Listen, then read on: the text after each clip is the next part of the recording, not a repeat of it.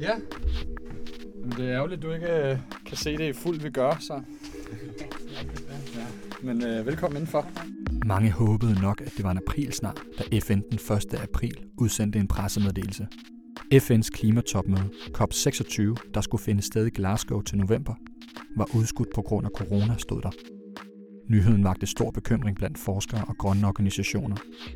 For topmødet her i 2020 markerede nemlig den femårs deadline for handling, som verdens lande gav sig selv med Paris-aftalen i 2015. Så hvad gør vi nu? Du kan bare øh, Du kan tage plads derovre længe. Vi har talt sammen et par gange. Ja, præcis. Ja, ja. Der er lidt at drikke og Ja, ja, håndsprit på bordet. Yes. Mit navn er Martin Bag, og jeg er journalist på Information. I dag har jeg inviteret professor i klimaforandringer og FN-klimaekspert Sebastian Mernil med i studiet. Og hvad er det, øh, Sebastian? Er du hovedforfatter på den næste store øh, Ja, IPCC ja, på den 6. på den 6. Ja. ja. For det er ikke kun de politiske processer, der nu er lammet. Det er også det vigtige videnskabelige arbejde, som Sebastian og hans forskerkolleger har været i gang med de seneste par år. Kan du ikke prøve, øh, Sebastian, først at fortælle, hvad du hedder og øh, hvad du laver? Det kan jeg godt. Mit navn er Sebastian Mernil. Jeg er professor i klimaforandring og glaciologi. Og glaciologi, det lærer om is. Derudover så er jeg også administrerende direktør for Nansen Center i Bergen. Og så er jeg hovedforfatter på den næste store øh, IPCC, altså FN's klimarapport, der kommer her i 2021. Vi skal tale om, hvilke konsekvenser aflysningen får, og om hvordan forskerne, trods udskudte deadlines, stadig forsøger at forsyne verden med den nødvendige viden om klimaets udvikling. For et par uger siden, der udgik der en pressemeddelelse fra FN om, at det næste store klimatopmøde, det vi kender som COP26, det var blevet udskudt som følge af corona. Sebastian Mernil, som FN-ekspert, hvad tænkte du, da du hørte, at det her klimatopmøde det var blevet udskudt? Altså jeg tænkte to ting. For det første så tænkte jeg, at øh, jeg synes, det var brændt ærgerligt. Netop fordi der er øh, et kæmpe stort behov for, at vi får øh, lagt en øh, brugbar og en effektiv plan for vores reduktioner af drivhusgasser fremadrettet. I relation til at det minimerer mange af de klimaskader, vi kommer til at stå over for i fremtiden. Og dernæst så tænkte jeg, at øh, det måske var en, øh, en god idé at udskyde det, netop fordi i relation til de her kopmøder, der foregår der rigtig meget forud, altså rigtig mange forberedelser forud for, men der foregår også rigtig mange korridormøder, sådan et studehandler, øh, hvor man bliver enige om, hvordan man skal gå ind i planarrummet og så ligesom øh, få stemt øh, tingene igennem. Og det er jo en vigtig del af de her kopmøder, og hvis man vælger at køre tingene øh, via AV-udstyr, altså via Skype og Teams, jamen så mister man egentlig et stort element i de her forhandlinger, netop alt det, der foregår udenom. Ikke? Og det har man så mulighed for ligesom at skubbe til 2021, øh, hvor det nu er planlagt, at mødet skal være. Øh, så, så både en, øh, en ærgerlig følelse, men egentlig også en følelse af, at øh, det måske er det rigtige at gøre, for netop at få det bedste udnytte øh, af det, det næste møde. Ja, fordi at FN's klimatopmøder, det er jo det her forum, hvor at alle landene under FN's øh, klimakonvention, de mødes en gang om året, stikker hovederne sammen og siger, hvordan løser vi den her globale øh, klimakrise, hvordan går det rundt omkring i forskellige dele af verden, og hvilke initiativer skal vi have, have sat i værk, både inden for øh, klimamålsætninger, inden for finansiering og tilpasning og, og så videre. Men der er jo umiddelbart lang tid til november, tænker man. Hvorfor tror du, de har været nødt til at udskyde det? Hvad er det for et arbejde, der går forud, som er blevet vanskeliggjort nu, som følger corona? Jamen altså, det der skulle ske her på COP26 i Glasgow, og som man egentlig har skubbet og diskuteret over tid, det er jo øh, en øh, bekræftelse af målene fra Paris-aftalen i 2015. Øh, og der har været en masse forhandlinger øh, frem mod her, og det var nu her, man ligesom enten skulle bekræfte de reduktioner, eller endnu bedre finde nogle mere ambitiøse planer for fremtiden. Øh, så det er jo noget af det arbejde, øh, som nu er blevet skubbet til næste år, netop fordi, at øh, vi er jo ikke i den her nedlukkede verden med vores coronakrise ikke er i stand til at, at få det ud af det, som de egentlig havde forventet at få ud af det. Mm. Som du påpeger her, så var 2020, det var jo femåret for Paris-aftalen, som blev indgået i Paris i 2015, hvor alle verdens lande ligesom for første gang satte sig sammen om en ambitiøs aftale for den globale klimapolitik. Det markerede jo for mange i dag et, et vendepunkt i hele den globale klimadebat. Og da klimamødet her i Madrid, øh, 2019's klimatopmøde, endte i en lidt mindre fiasko, kan man vist godt sige, Mm, ja. øh, så var der mange, der sagde, Nå ja, det var ærgerligt, det er en skuffelse, men det er måske ikke verdens største katastrofe. men at COP26 her til november i 2020 er blevet udskudt, det har jo vagt enormt bekymring, både blandt forskere og også blandt grønne organisationer. Kan du ikke lige prøve at sætte nogle flere ord på, hvorfor det her topmøde var så afgørende? Jamen det er fordi COP26 var tiltænkt som en, en milepæl. Der er jo mange møder, som du også selv nævner, øh, hvert år, øh, eller i hvert fald et hvert år i COP-regi. Øh, men nogle er lidt vigtigere end andre. Øh, og det her det er en milepæl i forhold til at, hvad kan man sige, at binde sig, for, juridisk for nogle af de udledninger, øh, der skal ske fremadrettet. Øh, og derfor er det ærgerligt, at man ikke kan få det øh, så tidligt som muligt, men at man er tvunget til at skubbe det. Også fordi, at vi lever jo i en, en verden, hvor vi over tid har set øh, stigende udledninger af blandt andet CO2 til atmosfæren. Øh, bare et, et, et eksempel er jo, at fra starten af 90'erne og til i dag, jamen der ser vi jo næsten en, en, en forøgelse på omkring 50 procent i de globale udledninger. Og vi ved, at den højere koncentration af CO2 i atmosfæren er lige, at vi har mere energi, der bliver bundet i vores jordatmosfæresystem, og dermed et varmere klima, et vådere klima et mere ekstremt klima. Øh, så derfor er det så vigtigt, at vi finder ud af, hvordan vi fremadrettet skal arbejde hen imod, at vores globale middeltemperatur ikke stiger, som det ser ud i dag, hen imod mere end 3 grader i 2100, men får den globale middeltemperatur reduceret ude i fremtiden.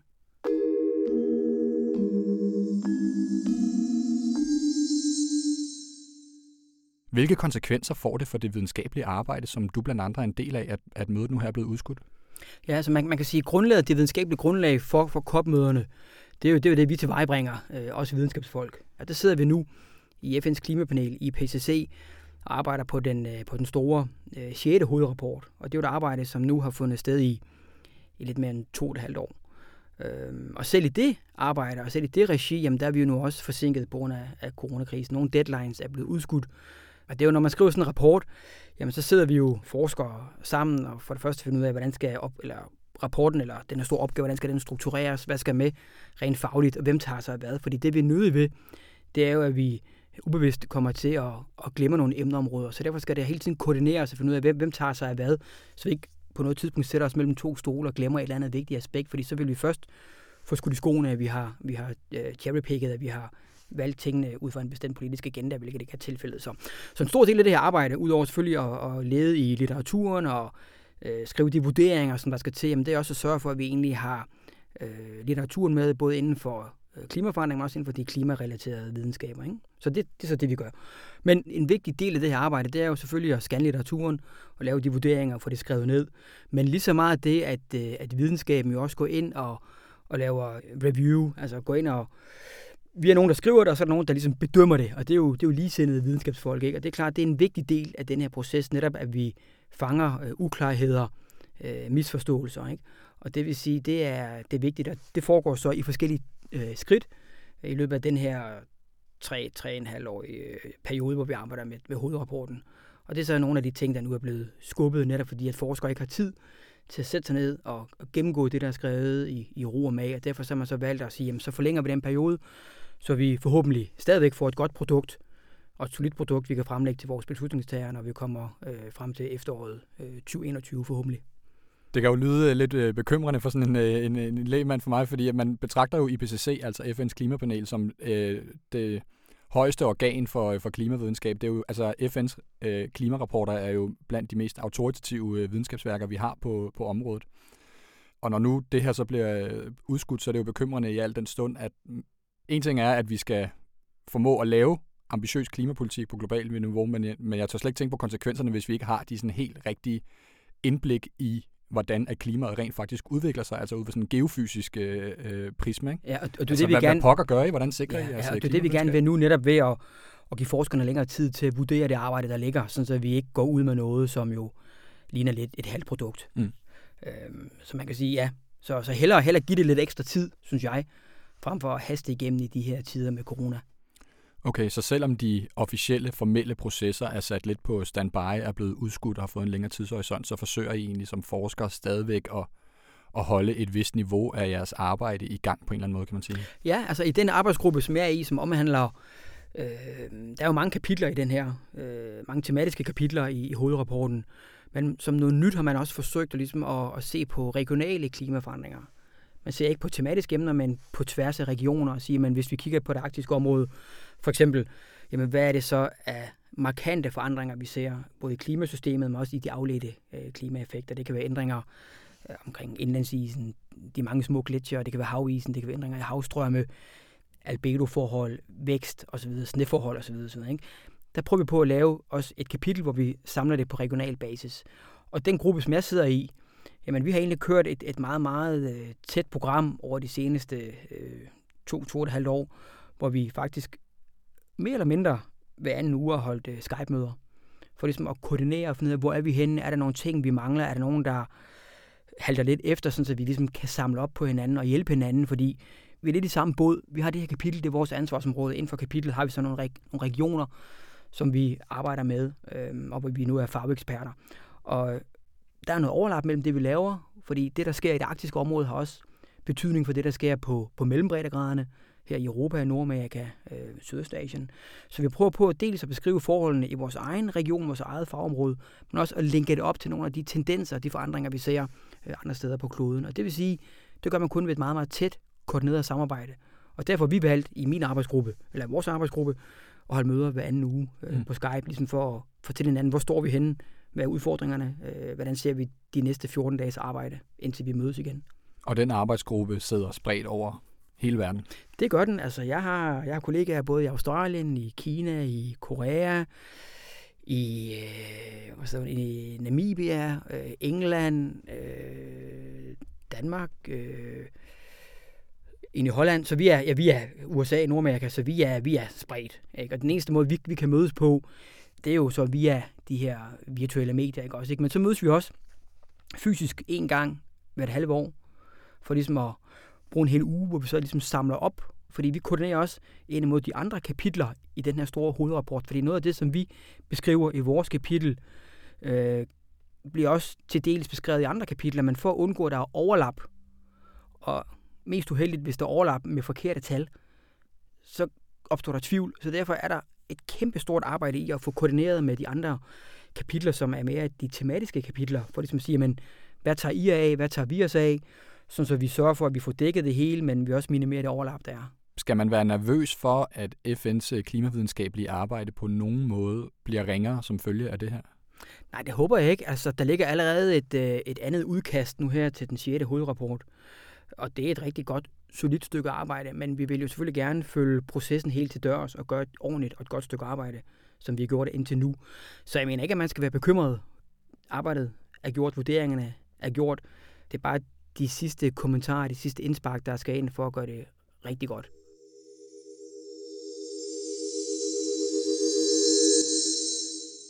Hvis vi prøver at vende tilbage til det her med de politiske processer, som selve klimatopmødet øh, jo, jo handler om, så kan jeg ikke lade med at tænke på, Sebastian, at, at en ting er jo selve klimatopmødet, der løber over de her en til to uger, som vi har talt om. Noget andet er jo alt det her geopolitiske spil, der går forud, ikke? hvor at landene jo forsøger i året op til topmødet at lægge pres på hinanden, altså ambitiøse lande forsøger at hive nølende lande til at levere mere på, på ambitioner osv. Og der var planlagt et meget imødeset øh, topmøde mellem EU og Kina i september eksempelvis, hvor man håbede, at EU med sine nye klimaplaner kunne være med til at lægge pres på Kina, så de kunne hæve deres ambitioner i tide inden klimatopmødet, sådan så at, at du og dine kolleger kunne nå at, at tage de forøgede øh, målsætninger med i, i arbejdet, og simpelthen vurdere øh, på basis af det, er det så nok? Altså når vi så har alle lande i verdens øh, øh, klimamål, leverer vi så nok samlet set øh, kollektivt på global plan. Og der er jo en masse af de her processer, som, som nu simpelthen er, er sat i stå, formentlig sat ud af spil.